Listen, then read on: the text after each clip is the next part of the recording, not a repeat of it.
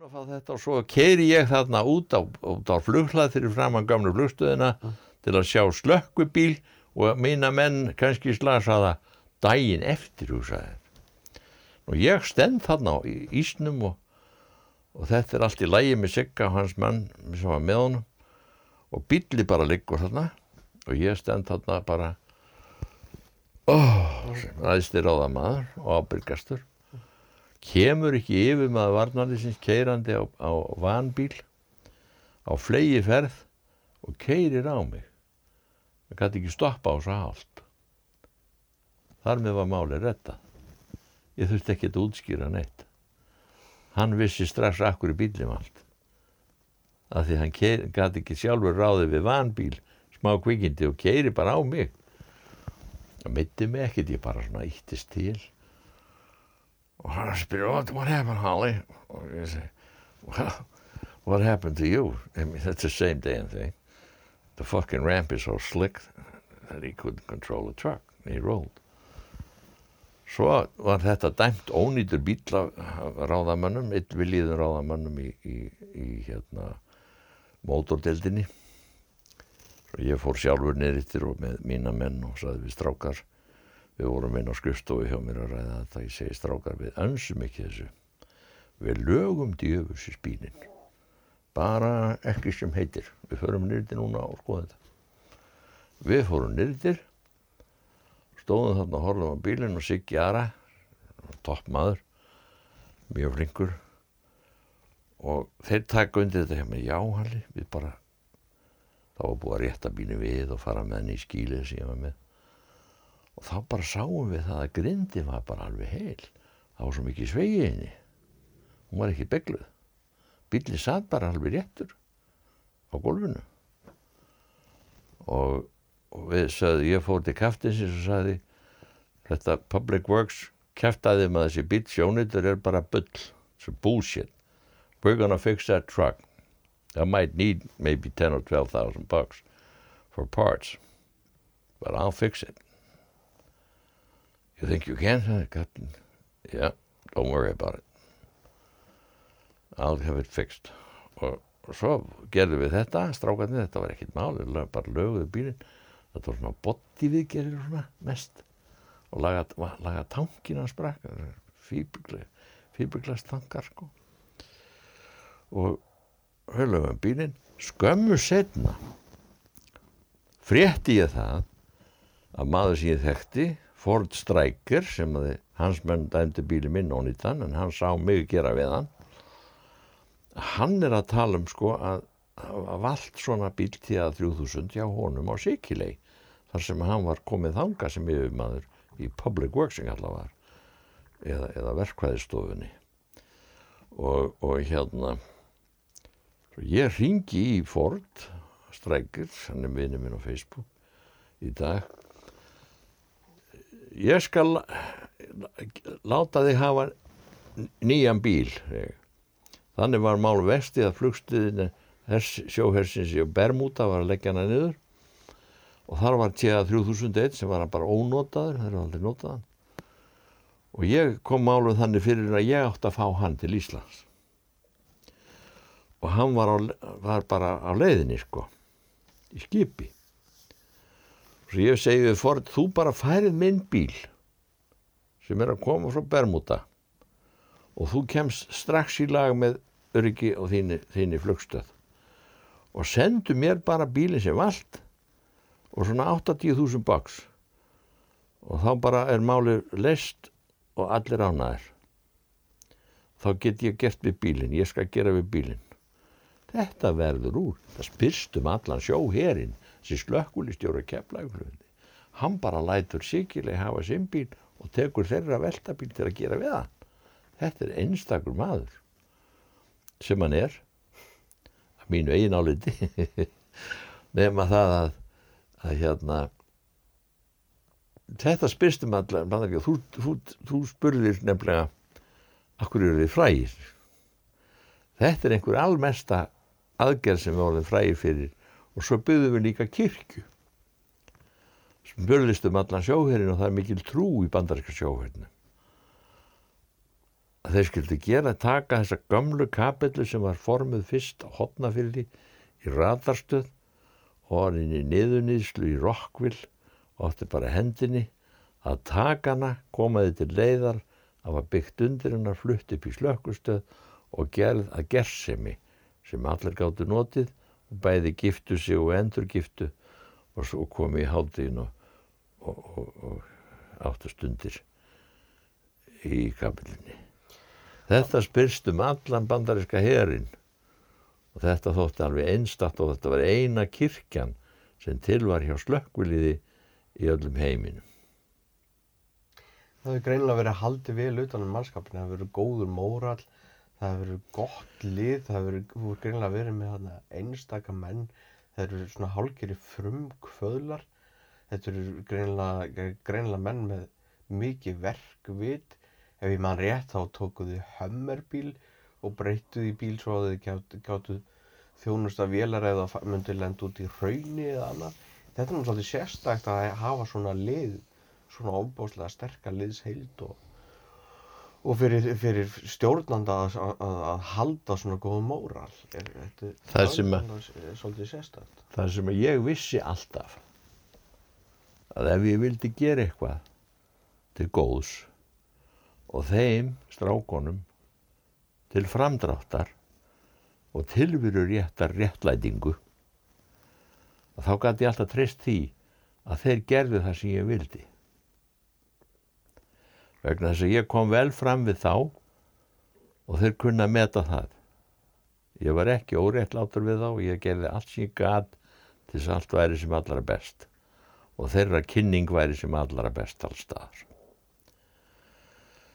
þannig var nú það en ég hérna Þú varst með gott teimi þarna með þér með greinilega þarna í mörg ár Já, já, Ástaldur Eirísson var að slökkstjóri og, sterkir, sterkur hópur stór hópur greinilega. Yfir menninir allir voru frábærir handlæknin menn.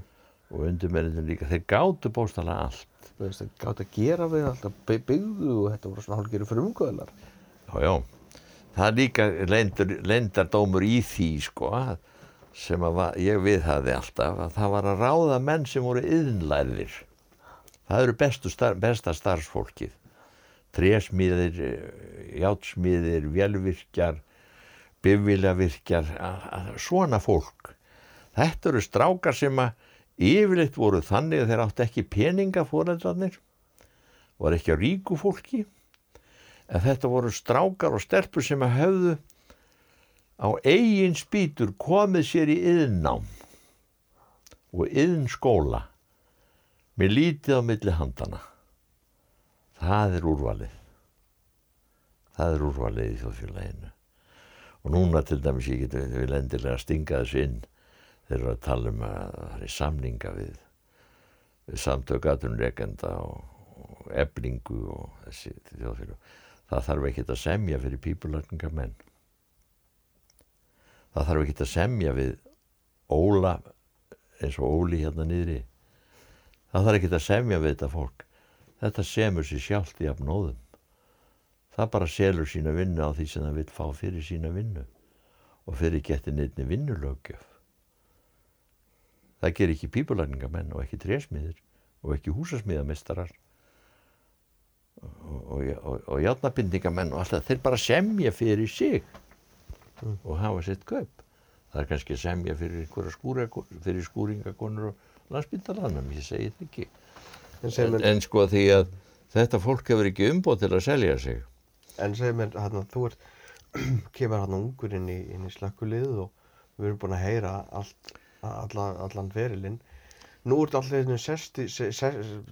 komin í sæti þar sem þú ert orðin stjórnandi yfir þessu öllu og það er greinlega mikil ábyrð og, og uh, þú uh, ekki, maður segja að, að ert að gera hluti í fyrsta skipti á æfinniðin, þú ert að taka móti í alls konar vandamálum hana.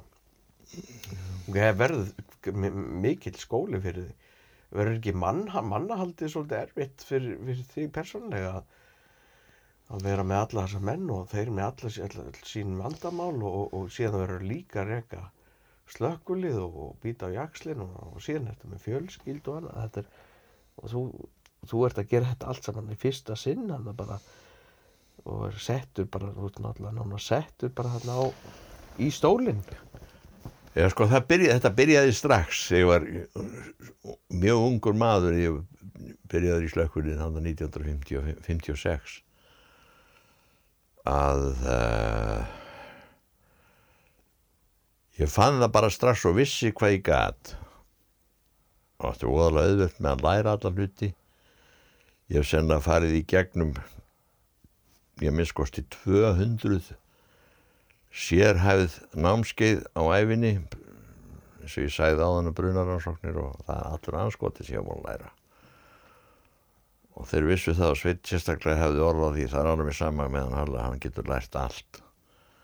Ég var óalega fljótur að öllu svo leiðis en síðan, síðan sko þegar Sveit réði mig sem var að slökkstjóra þá var það vegna þess að hann ætlaði að hætta að vera í slökkulíðinu að stjórna því.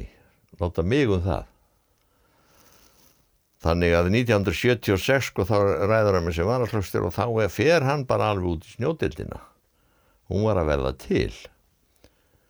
Og hann gat, var, var bara að gera þetta og, og, og réði mig og, og þá var sko rekstur stökkunisins var í mínum höndum alveg frá 1976 í rauninni 30 ár. Því að hann kom náttúrulega ekkit að þessu þessi 10 ára sveit Þess vegna var ég ráðina því að hann alltaf að vera í þessu.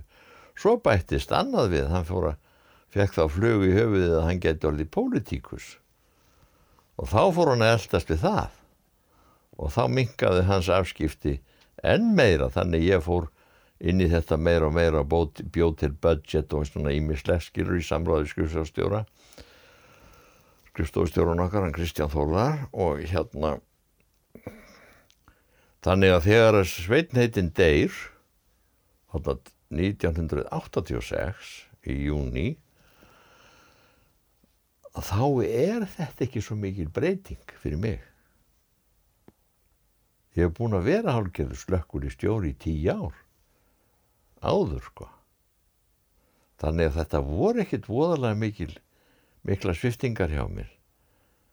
Það hækkaði hjá mér kaupið og ég fekk meiri völd og svo fekk ég viðurkenningar og svona ímislegt og þessar viðurkenningar sem ég fekk og, og velun þær spekla afreg slökkulisins ég er bara handhafi fyrir hönd hópsins sem að þú réttilega talaður um áðan að hefði verið úrvalshópur og gott teimi það var það. Það var það sko. Segðu mér hvað er upphaf, við förum núna í upphaf brottkvarf hersins frá Íslandi. Að uh, á hvaða tímapunkti er það þú sér það að, að herin er að fara í burtu og, og á hvaða stí, stað, stað í lífinu er þú þarna á þessum tíma? Ég er náttúrulega bara ágætlega stattur slökkuleiði búið að vera á ég mitt starf mjög án, ánægjuríkt og, og, og árangusríkt innar í 20 ár. Þú er heilt og allir umtalum öryggisflugbröðina svo ég far aftur inn á það. Öryggisflugbröðina á Reykjavíkflugulli 0725 og það er alveg samskonar braut á keflaugurflugilli. Við tölum um brott hvarf hessins, þá var það búið að vera í pípunum í 7-8 ár, að mínu viti. Og það var til dæmis Admiral Thomas Hall sem er góðvinu minn, en í dag, hann fekk það verkefni í raun og veru að spara 15 miljón dólar í rekstrinum eitt árið kemur til mín og, og segir mig hvernig fer ég að þessu? Hvað get ég spara hjá þér? Og þá best í tal bröð 0725 sem þá var bara nýbúið að endur nýja öllu liti nýtt malbygg og allt saman. Og hann segir hvað hva kostar að að móka bröð 0725 segir hann. Á ári og bla bla bla bla bla bla. Og ég gef honu þetta allt saman upp. Þá eru umtalsverðir peningar sem liður í því að ná saman sparnaði upp á 15 miljón dollara. Þetta var bara bull í rauninni sko sem sparnaði. Því þetta var engi sparnaði vegna að ég mókaði aldrei brauð 0725 hún var alltaf lókuð ég hefði getað opnað hana með strákarnir hefði getað opnað hana bara á eða við neyðarflug bara smá stund skiluru þannig að neyðarflug geti lent. Þess vegna var ekkit verið að eigða púðri í 0725 þegar maður þurfti að halda hinnum tveimur, söður og norður sko og vestur og austur opandi og, og, og, og þá var aldrei það mikill krossvindur að vera gett að nota það sko. Ef það horfið ómikið crossvindur þá hefði maður hægt að fara með umfellina innan 07.25 Jæja það verður úr að flungunir í flugbröð er lokað í þessu yfirskinni og málaður kvítur kross á hvern enda. Og þá má ekki flugvil enda eða kvítur kross á bröð og þannig er hún enn í dag. Þetta er aðför að flugstöðinni og flughöfn sjóhersins. Þetta er byrjunin.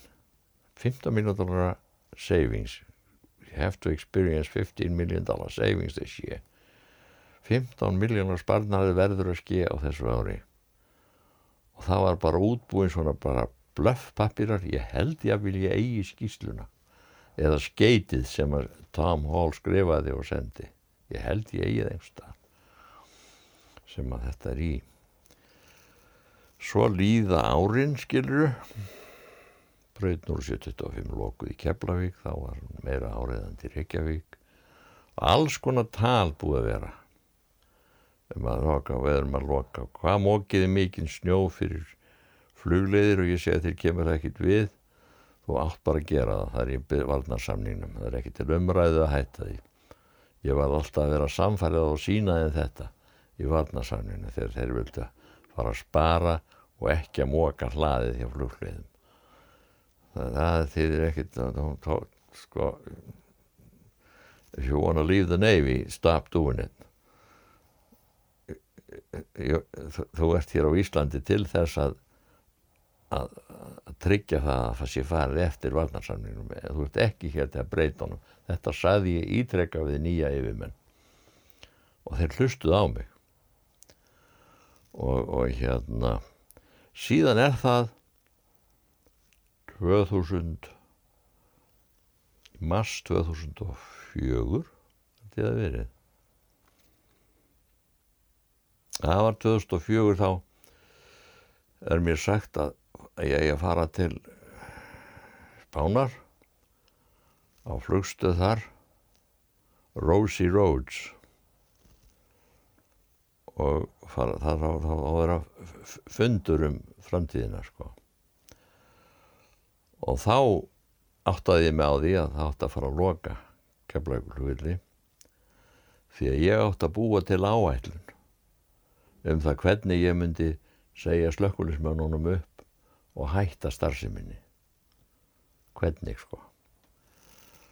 Og ég gerði það og bjóð til plagg, ég var svo flinkur í því þá. Ég bjóð til plagg á tölfunni sko með, með slides í PowerPoint og let kaftininn hafa það.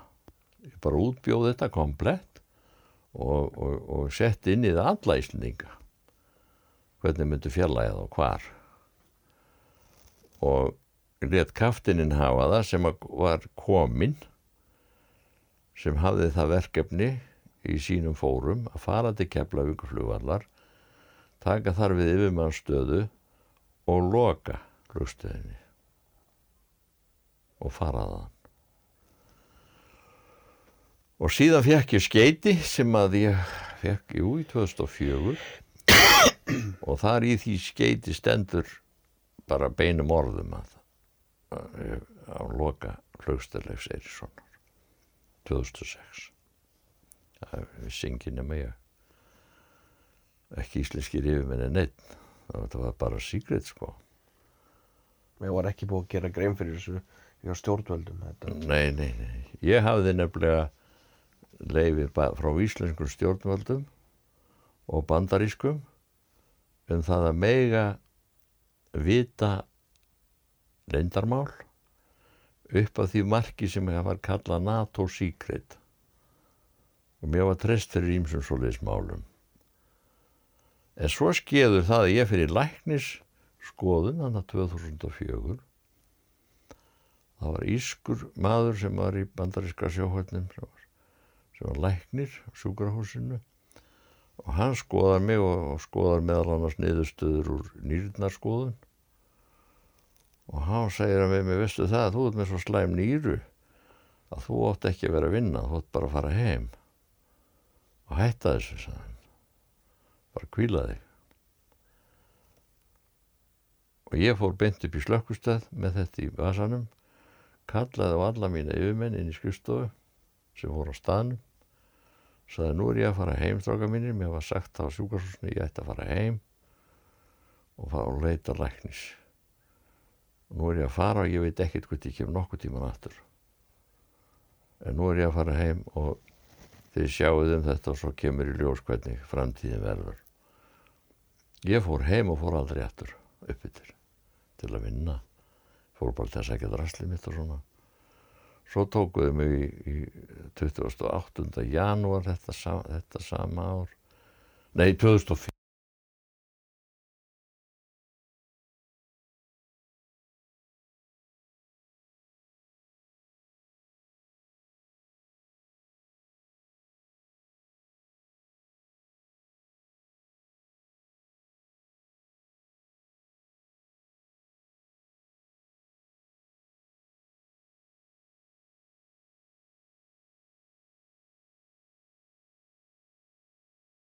fimm og heldum við hvaðið partí, þú varst þar, heljar mikið Helja mikið partí.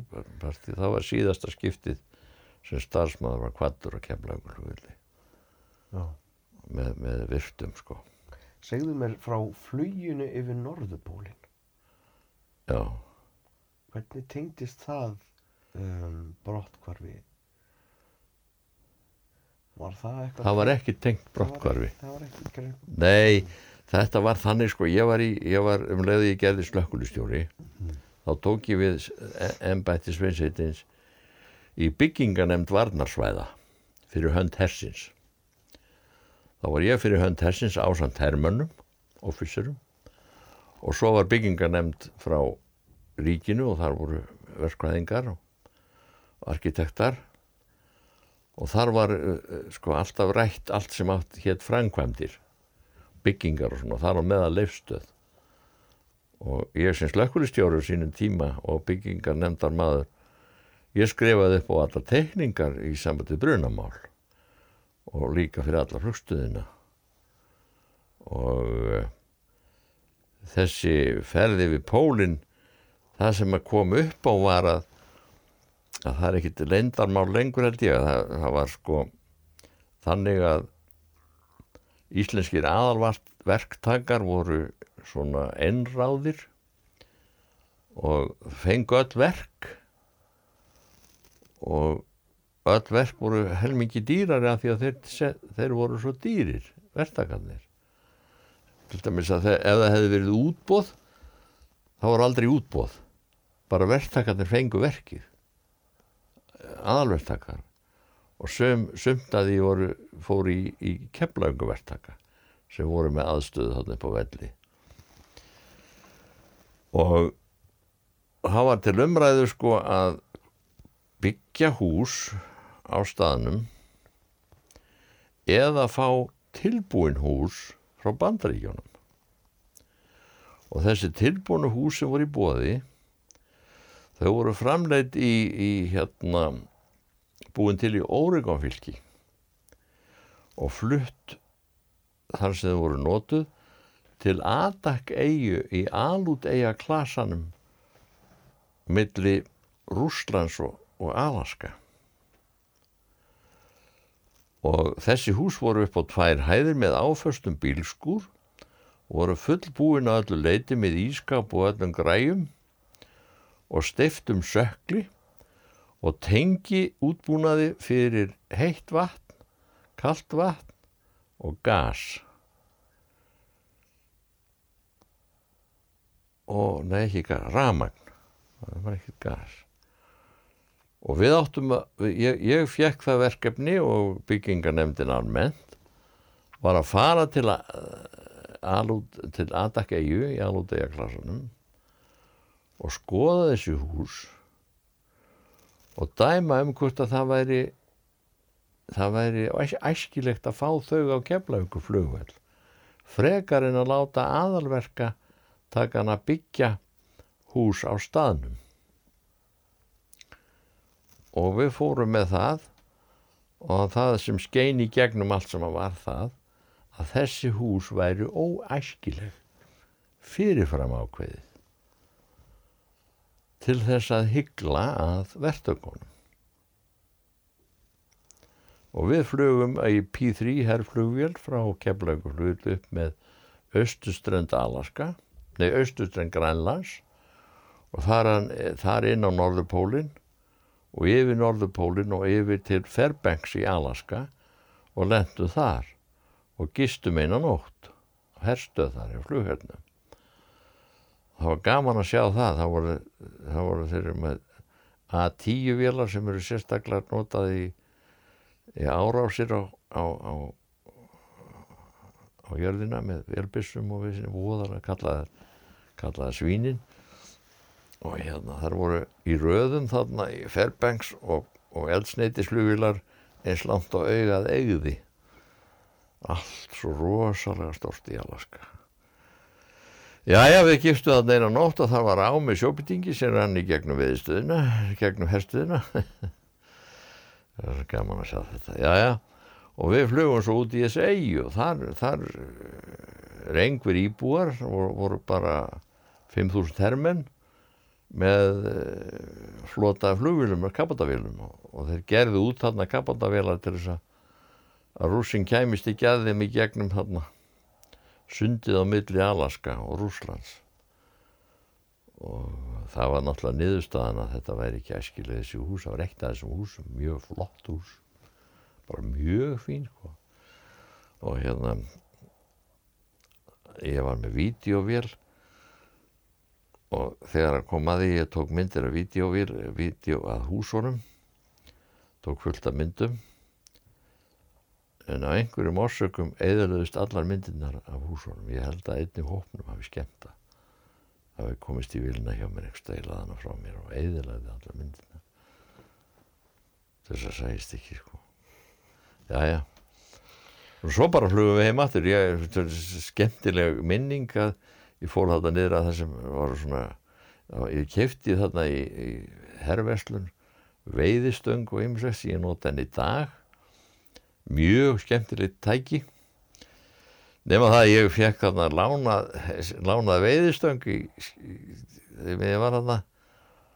Og spún bara til þess að geta sagst hafa veitt í Alaska. Og ég kastaði þarna út hjá öskuhaugum. Út í og fekk það sjóbleikju eina spún. Og áhorfindirnir voru um, ameríski örnin stóri með kvítahausin það var alveg röðaðinn þarna á haugunum sko.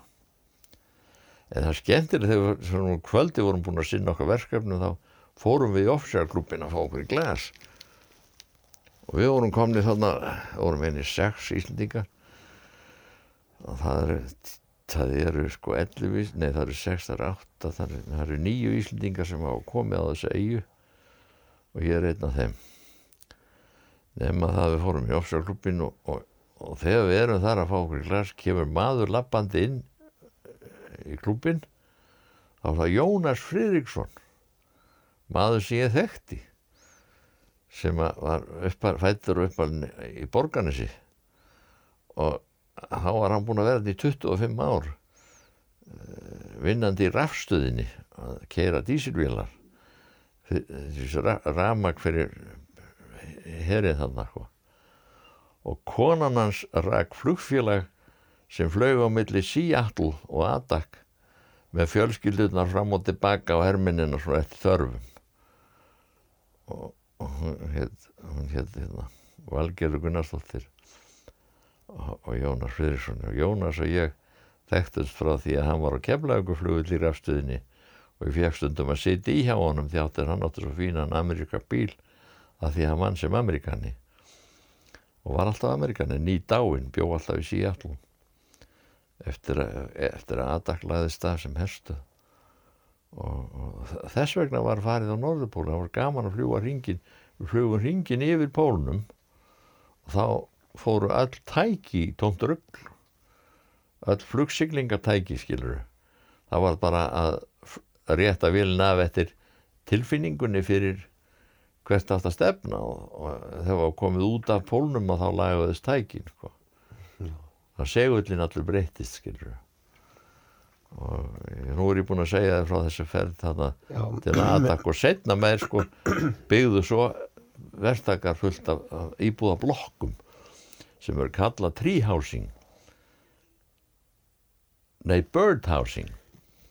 Fugglasvæði það er blokkirna voru nefndar sko eftir fuggla, íslenskum fugglum spóin og lóan og, og svo leið sko.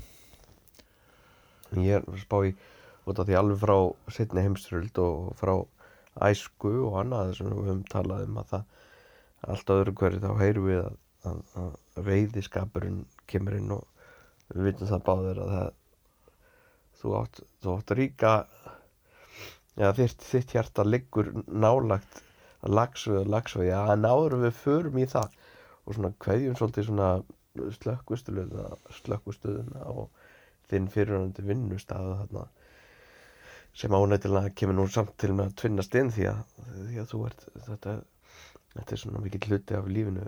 En uh, herstöðar, anstæðingar og annað sem voru alltaf á móti og eru ennþá á móti að hér hafa nokk tíma verið, verið herstöð og annað um, bara ef við lítið tilbaka og bara svona sömmur þessari yfir þetta allt sko ávinningur Íslenska ríkisins og, og, og, og hluti af því að, að Ísland hefur bara náða þroskast. Myndur þú segja að, að, að viðkoma hersinsinn á Íslandi væri var hluti af því að við erum á þeim stað sem við erum í dag? Já, ég veit ekki hvað að segja sko. Það er náttúrulega Já, það er til dæmis allur gjaldurinn sem kom hann inn á þessum árum. Jú, jú. Nú, störfin. Skemm, Já, já. Skemmtilegt dæmi er, er, ég veit ekki, þú hefur eins og sagt mér þarna skemmtilega sögu af Ólafur Ragnar, pappa Ólafur Ragnar Grímssonar fyrir hann til fórseta að hann hefur líklegast aldrei orðið fórseti ef hérinn hefur ekki komið til Íslands. Það, ég veit ekki hvort það er hægt að tengja það langt en, en grímur, grímur rakari og Steinir Hundal heitinn, vinnu minn sem var setna í slökkuliðinu með mér gamla daga þegar það var að hétta voru hermenn og allt.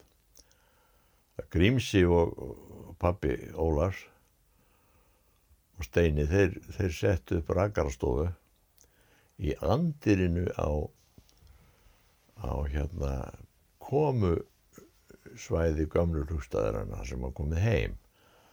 Þar voru þeir með stofu rækarastofu og upp í staðan í þeirra vinnu voru hermenn.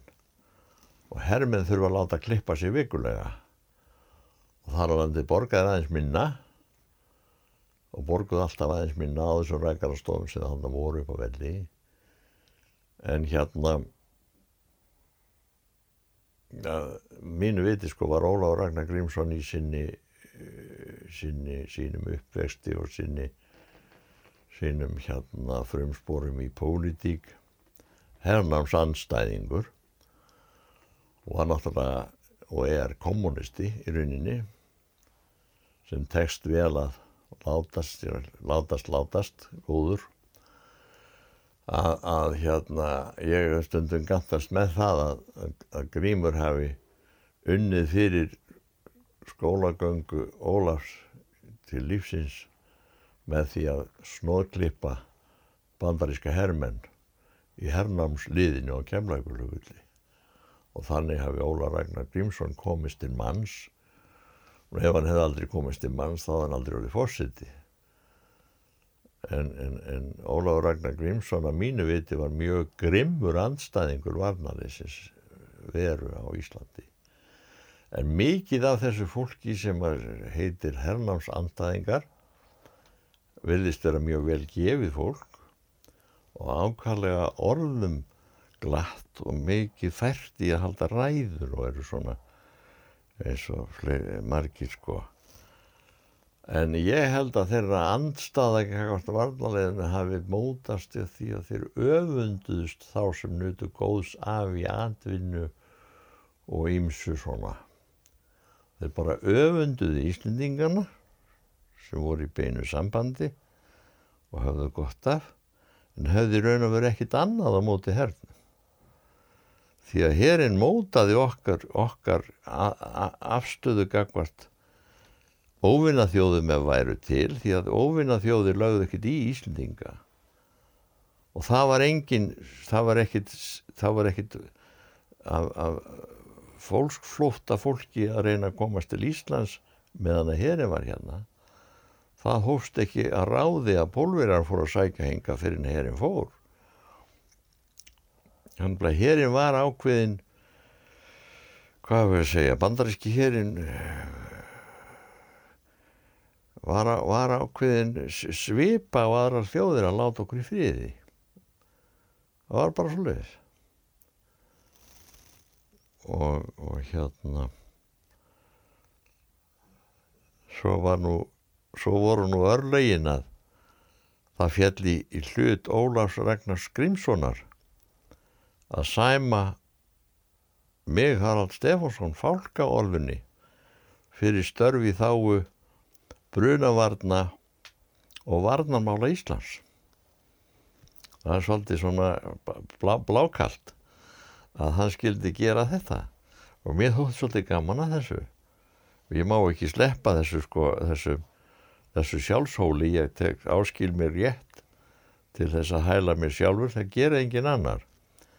Og, og hérna ég fekk, fekk alls konar medalíu frá hernum fyrir, fyrir góð störf sem að sem að almennt fólk myndi ekkit að til dæmis að vera skráður í, í fræðarhöld bandaríska sjóhænsins, það er engin annar íslendingur þar aldrei mun, hefur aldrei verið og mun aldrei verða sannlega nema ég.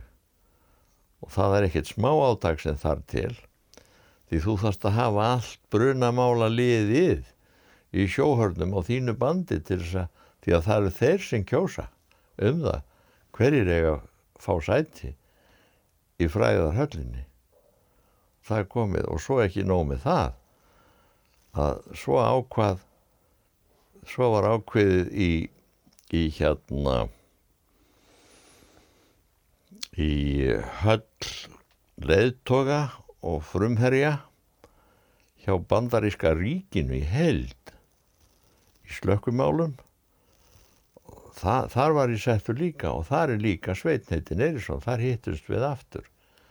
Því hann fekk þetta sama og ég var að öðlast. Ekki alls fyrir löngu sko og ég stöðlaði að því sjálfur skrifaði mér í sé meðmæla grein fyrir Svein inn á þessa, inn á þessa höll. Hann fekk þetta eftir að var látin eða? Jú, eftir að var dáin, já Ég er einn af verfáum sem er lifandi af þeim sem er í þessari höll Og hvað heitir þessu höll á ennsku? Það er uh, Hall of Legends and Leaders in Fire Protection. Ég á skjálum þetta heima upp á vegg.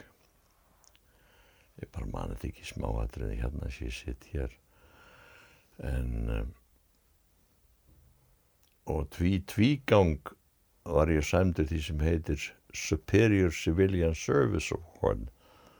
Það er afburða starfsmæður og einu sinni Meritorious Civilian Award þá fekk ég það fyrir mitt starf Gagvart Vestmannegjum meðan að Sveitn var þar úti þá var ég semdur þessu sjálf, sjálfsfórnarmedalí og það var einstakka Íslendingar fengið hana en engin Íslendingur nema jú ekkert kvandal fekk einu sinni fyrir það Superior Civilian Service Award. Þetta var einhvern tíman í dagblæði og þessi ekkert kvandal hann var Íslendingur giftið bandaríski konu og var eiginlega amerikani sko. Og þegar herrin fóra að þá fluttist hann til Washington og held áfram að vinna hjá sjóhörnum sko.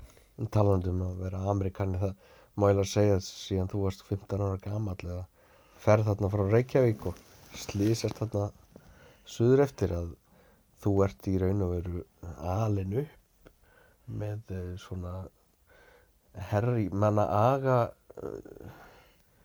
undir, svona já, hvað maður að segja að, hermann aga, sið eða hvað og, og verður eiginlega að svona hálfgerum ameríkana íslenskum ameríkana eða getur við sagt það að hálfgerum hermanni? Já, ég veit eiginlega ekki hvernig ég á að segja þetta. Nei, því að, að sko ég var bullandi og talandi ensku alveg bara eins og innfættur strax bara tí ára. Ég veit ekki dakkverju það sen, gæti sennilega verið að því að ég var svo mikið að sniglast innan um bandariska herminn alveg í æsku bara sex ára, sjö ára. Og, og, og hérna og þegar ég fyrir að vinna þarna söður frá þá er bara sam, þá bara sa, saminast ég þessu alveg reynd eins og eins og bandaríkja maður og, hérna skil alla þeirra alla þeirra tiktúrur og, og menningar síði mjög vel skynja þetta mjög vel og veð bara hluti að þessu strax og gæti ekki hugsa mér að, að, að fara úr því og það fór mjög í mig þegar að herinn fór. Mér leittist það mjög að þeir skildu fara og það var heimskulegt af þeim að gera það því að þeir þurfa nánast að hernema Ísland til þess að komast hér aftur.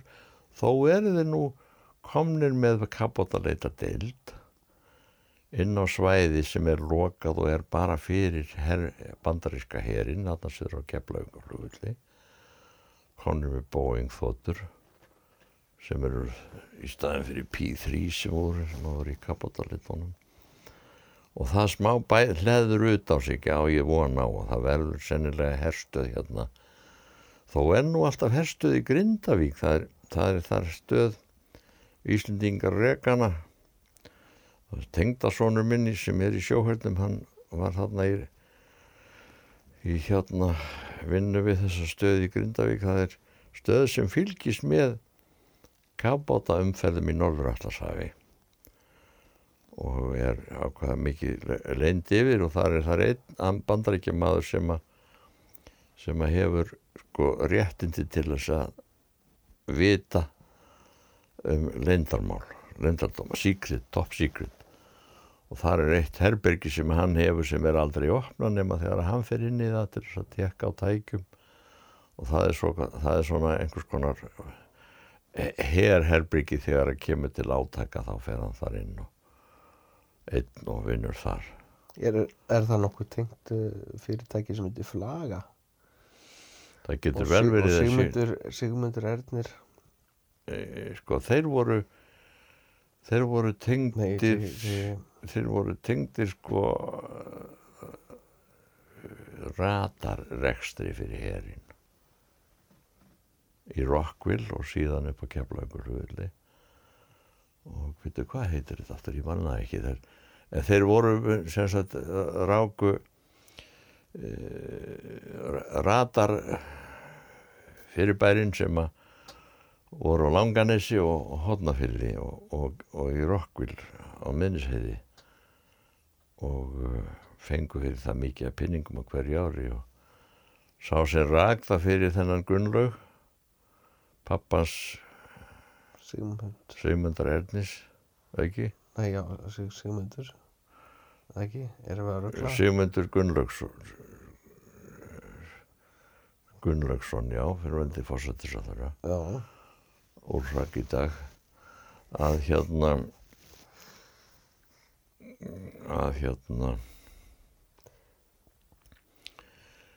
fengu mikla pinninga fyrir þetta og ráku þetta og Jón Böðvarsson vinnu minn hann ekki vinnu minn maður sem ég þekki hann var forstjóri fyrir fyrir þessu fyrir þá sko og gekk á gætlaði á honum. Já, nú hefur maður heyrt til dæmis að, að í gegnum allir þessa tíð sem, sem heri var hérna frá að það voru nekkit, það var nekkit auðvilt að komast að hernum eða, eða að auðrónum sem voru, þetta var ekkit smá auðra sem voru hann í gangi í kringum þetta en það voru nokkri aðilar sem voru búin að koma sér vel að það. Voru, hvað voru það, íslenskir aðalvertakar það voru keflækuvertakar það voru, það voru einhverju fleiri og fleiri en það eflust má segja að það hefur öruglega verið, verið mjög mikið um, um, um spillingu og mútur og, og erfitt að komast þarna að í þessu, þessu skoðuna og þessu um þetta? Ég hef aldrei heyrt neitt sem heitir um neitt sem heitir mútur til íslenskra ráðamanna, ég hef aldrei heyrt það.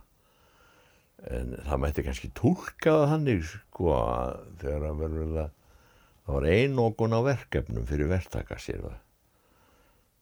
Það var ekki fyrir löngu setna að heðring komst frá því og komst og fekk ríkið til þess að samþykja að öll verkefni sem að kæmu upp og hendi hessins eru sett í útbóð á NATO-markanum fyrir NATO-þjóðunar og það varð úr sko fyrir rest. Þannig að þessi einókun verktakana á öllu sem til fjall uh, hvarf. Og, og uh, það mætti kannski tala um mútur ég vissi það var til dæmis á hverju ári þá voru ráðamenn varnalýsins alltaf boðnir í norður á í borgarfyrði í lagsviði og öllu leiti frýtt með víni og mat og öllu sko. Þetta var á hverju ári. En síðan var tekið fyrir þetta frá yfirvöldum í hernum í Washington.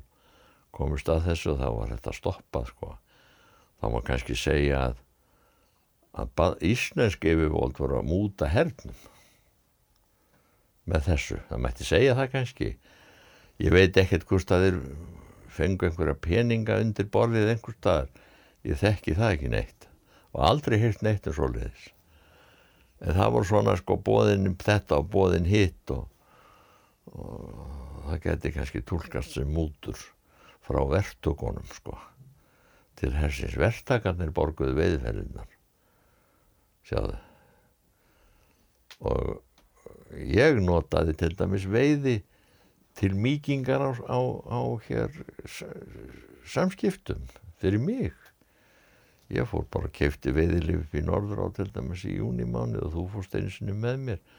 Þá fór ég með yfirmann í hernum sem var mér mjög að skapi og bauð honum með okkur á nöppitir Harry Thomas og hérna hann fekk mér sér lags í mann það segðu mér hérna. Á fúti allin við erum alveg komin á þann stað og, og spurja okkur hvenar, hvað eru þín fyrstu, fyrstu minni af, af lagsveiði fyrstu minningarnar er, er innan úr ellið á ég var strákur. Mm. þá var ekki þessi hundæja til það var ekkit svo leiðis þarna var bara opið hafið ánum og veiði, það var veiði hús þarna neðst við ána. Lítill kofi sem veiðivörðurinn var í. Og ég man mest eftir því að þeir voru að veiða í fossinum. Og veiðifélagi pappa var hétt Sigurur var kallaður Siggi Brugg. Í minni fjölskyldu því að hann var að brugga nýra á frakastík í brugginu þar. Og fyrir pilsnirinn og pólambir og bjór og maltur Siggi Brugg. Og þeir voru saman að veið og ég man eftir því ég var fyrir neðan fossin í 11 þetta fyrsta síman eftir. Og pappi var að veiða þar sem veitir alltaf á maðkvar. Siggi var hinn megin og var að rendi bara færinu niður í hólu sem þar er og týndi upp svona bleiku titti. Og því fulla póka þetta er þess að fyrsta sem ég man eftir lagsviðum Svo næsta sem ég mann eftir þá er lags á í dölum.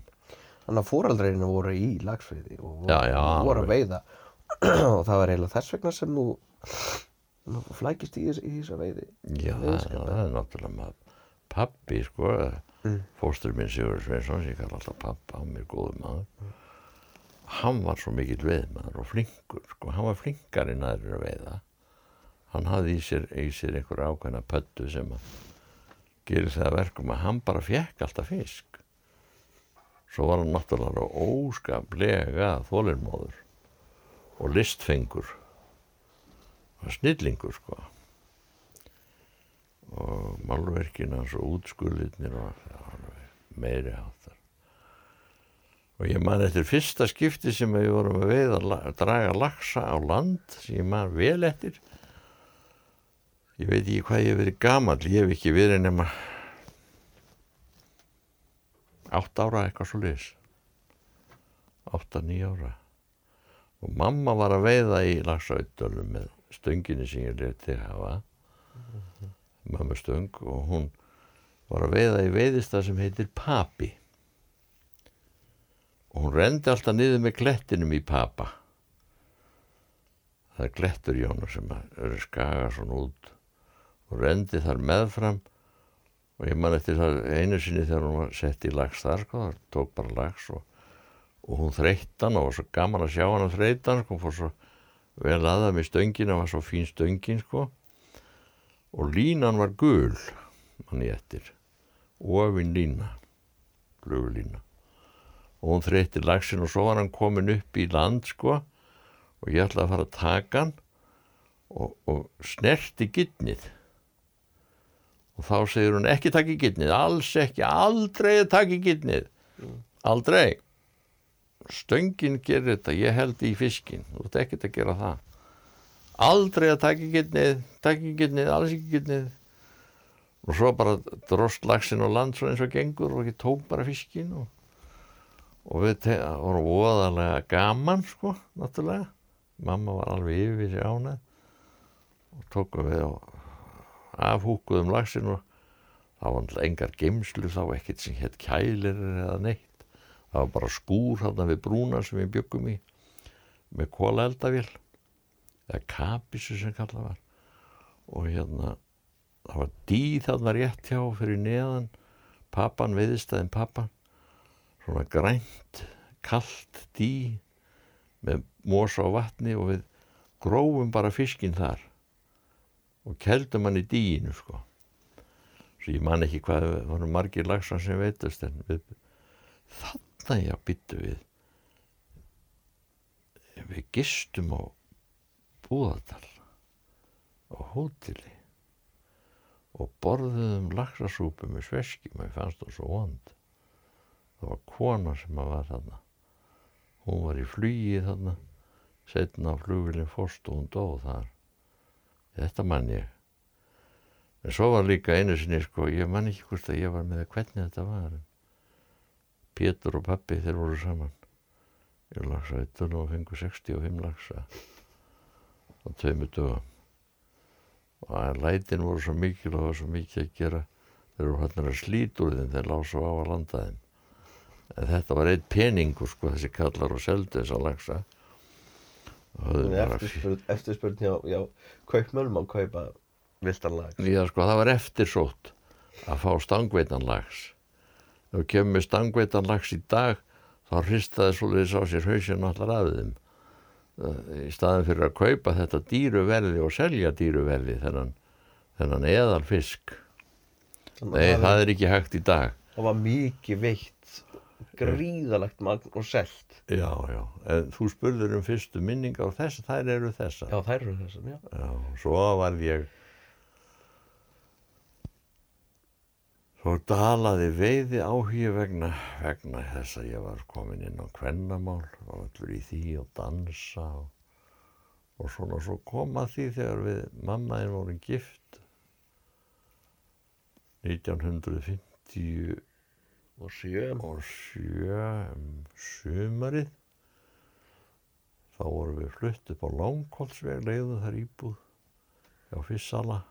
Og hefðum aðganga eldúsi með konu sem var í hinnum endanum á húsinu upp á lofti hann og hún var sýstir húsriðunar og hérna þá, þá er bara pappi að tala um það með, með veiðinni við lagsa í dölum og ég segi já, ég, má ég ekki kaupa hluti þessu? Jú, jú, jú, fara með, já, já, þá bara er, kemur fyrsti veiðitúrin og ég er 19 ára sem ég kaupi mér veiðlifi og fer með kallinum að veiða. Og þá segir Pétur við pappa að hann vilji ekki veiða í hlut á móti mér. Ég kunni ekki að veiða. Þannig að hluturinn hans verði skertur fyrir hvað ég var liðlega veið maður. Og vildi ekki veiða í púk með mér þannig að það, það var ekki sko. Nema það að ég veiti mikið meirinn hann þegar var komið vestur. Þá var allt í lagi að setja það í púk svonir mannfólkið eins og ég sagt er um mann sem, sem svegst að mér til þess að hafa mér stöðuna í eftirlitin og svona svona drullusokka uppleiðið maður. Mm, margir. En, en Pétur var í rauninni ekki drullusokkur hann var bara hagkvæmur. Var Pétur bara ágættis maður og, og allt í lagi með hann. En svona var þetta. Og þetta er fyrsti beit peit eða, veiðitúrin sem ég borgaði sjálfur og ég ég hérna fekk eða sex lagsa það tveimur dögum eða fjórum dögum. Já það voru tveir í neðránni tveir dagar og tveir dagar í efri ánni og neðsti veiðistafurinn í efri ánni var Kristnapóllur. Og við byggum þar í Torkova og ég þú þekkir söguna því þeir voru búin að veiða allan daginn og fengi ekki neitt maður eftir hefðbundum aðferðum og þá satt á, ákveður að pappi að breyta aðferðin og setur á yfirgengilega stóra flugu Black Doctor. Og hann er ekki fyrir búin að kasta hann á og þá kom að Pétur að kasta. Það er best að ég ger eins að Pétur og kasta stóri flugu. Það djók skott eitthvað veist og það var á með það sama.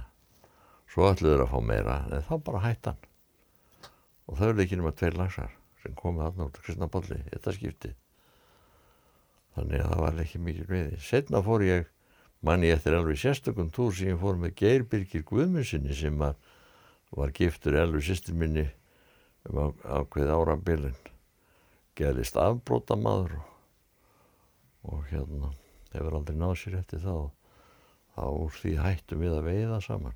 Hann fór nú að veiða með öðrum mönnum svona sem voru allavega karakterar.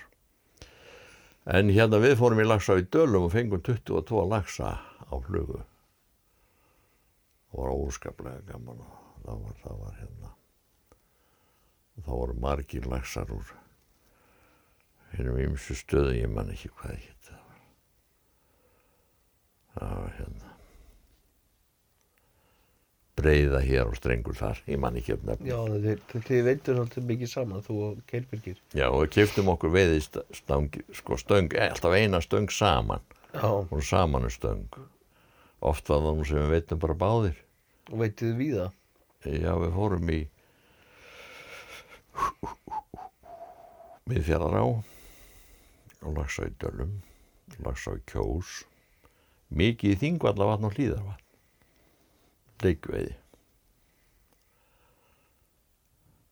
og þegar ég segi mikið þá er það mikið.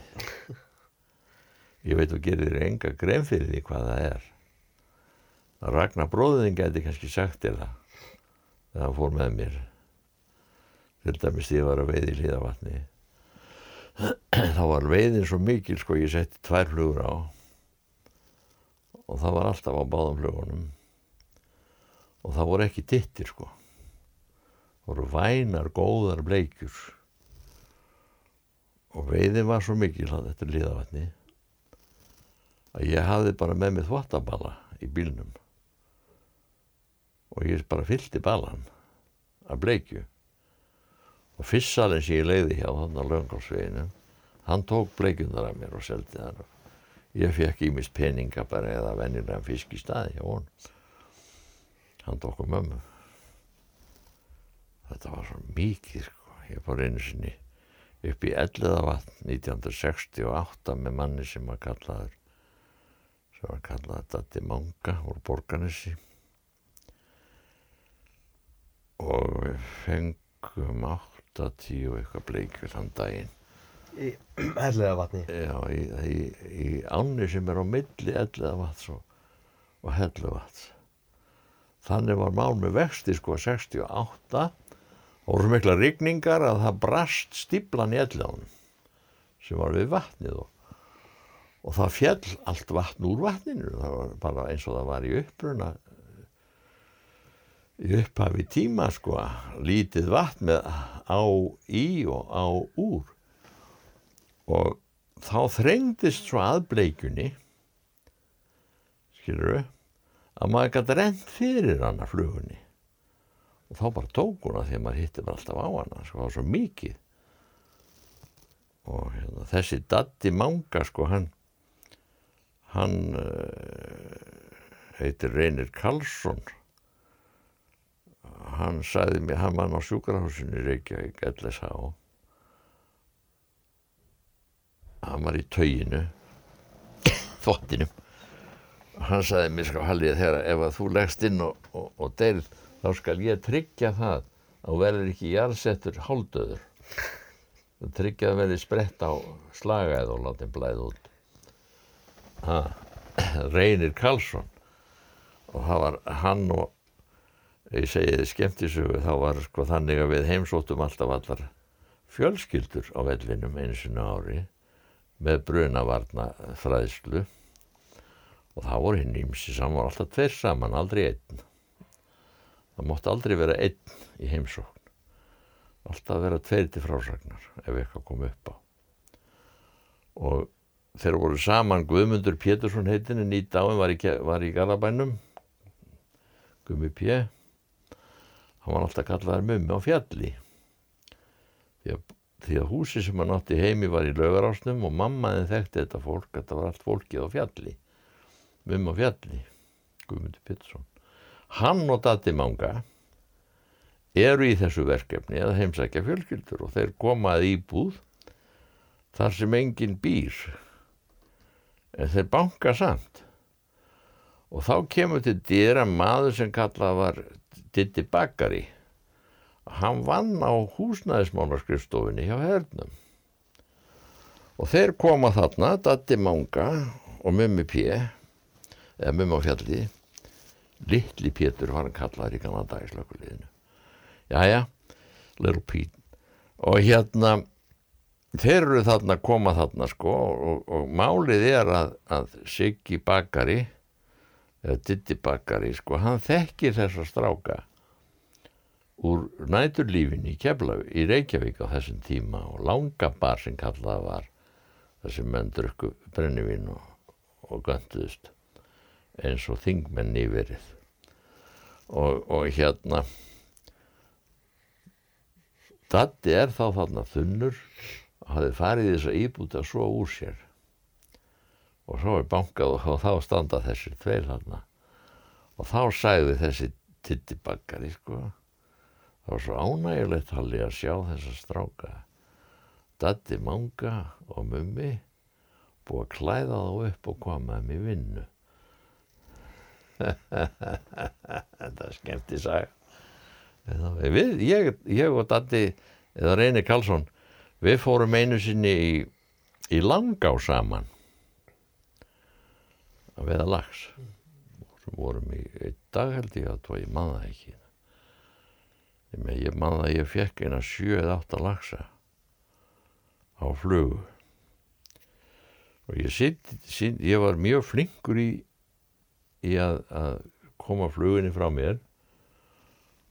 Og menn sögðu þeir eru bara aldrei séð eins falleg köst sagði einn við mig í, í hlýðarvatni hann hafði verið að veið í hlýðarvatni Jón heitir hann Arnarsson hann býr í Hafnarfjörði hann var að veiða með pappa sínum í, í hlýðarvatni og ég og pappi koma aðna eða ég og Birgir hann hvort ég maður ekki. Og ég fór að kasta á veiða, veiða bleikjur og, og hann sagðist ég var alveg uppnum ég hef aldrei séð mann kasta eins fallega flugu eins og þú gerir og hérna nefna það að Datti og ég fórum í það reynir Karlsson og ég fórum í í og ég þegar ofan fossin er svolítið breið og það stoppar lags og veiði stundum. Fyrir ofan fossið hann niður frá neðst í ánni. Og uh, það skuggi svolítið sem er og það líkja lagsarnir utan í berginu. Og ég segi nú ætla ég að húka lags sérðu dökka blettið hana ég ætla að kasta flugunni þangað og tel ég upp að fimm og tek í og þá verður lags á og kasta í blettin og það bara húkaður á baki við náðum ég gæti gert þetta ef ég kæði mig um Já. Þetta var svolítið öðru sér tímar til þess að fá veiðilefi á þessu stöðum. Það var oft bara að koma við hjá bændum eða hvernig það var ekki komið svona eins mikil, mikil viðskipti eins og er í dag eða hvað. Það koma ekki útlendingar til að veiði ánum okkar fyrir 1972 þá byrjaði það. Og ég var svo námsamur að verða leiðsögumadur 1972 meðal þeirra fyrstu. Og það var í norður á í borgarfyrli það var maður þar sko sem hétt Guttormur. Hann var sittið skammar í fyllir í og vittlis og var rekin úr ánni, hann var það gætt og þá var upp í neyðar kall og Birgir, Geir Birgir vinnu minn var hann upp frá og ringir í mig Birgir hvort að ég geti komið upp til þess að hjálpa þessum veiðumennum að veiða. Því að Biggi þekkti mig sko. Og ég talaði við mömmu og, og við vorum þá hjá ömmu í laugarási byggum þar meðan vorum að klára háslundin sko. Og ég voru að kafa í háslundinum og sá fram á það að ég færi í gætiri þarna þá geti ég komist í gætiri áfram setna og fengi þarna meiri peninga til þess að klára háslund og ég gerði mömmu grein fyrir þessu. Hún samþýtt að ég færi sko, mamma einn og ég fór upp yttir og, og var að gæta þarna og þetta voru fyrstu fyrstu veiðimenninni sem voru að koma til Íslands Amerikana til að veiða lags það var búin að vera aðeins vísir að því einhver staðar. En stanguði félagið ákvað að fara í þennan farveg til þess að til þess að koma sér út úr skuldum við Grímsá. Og ég lendi því að ég lendi í stjórn stanguði félags Reykjavíkur út út úr þessu sem var að, var að stjórn og fyrir það, fyrir bræðið að þá er ákveðið sko að selja bandaríkjamönnum áskrift að grímsá veiðilefum til þess að fá fjármagn til þess að borga veiðihúsi sem var búið að byggja þarna sem var að slega fjárhagstangu fyrir Reykjavíkur. Og ég skrifaði meðal annars undir skuldabref til þess að fá pinninga í það.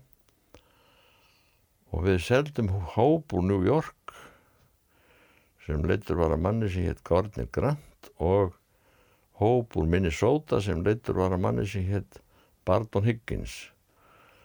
Og það var tíu manna hópar tveir og þeir keftu allir hver einstakur í hópunum veiðilefi í tíu ári eina veka á ári borguðu allt saman fyrirfram.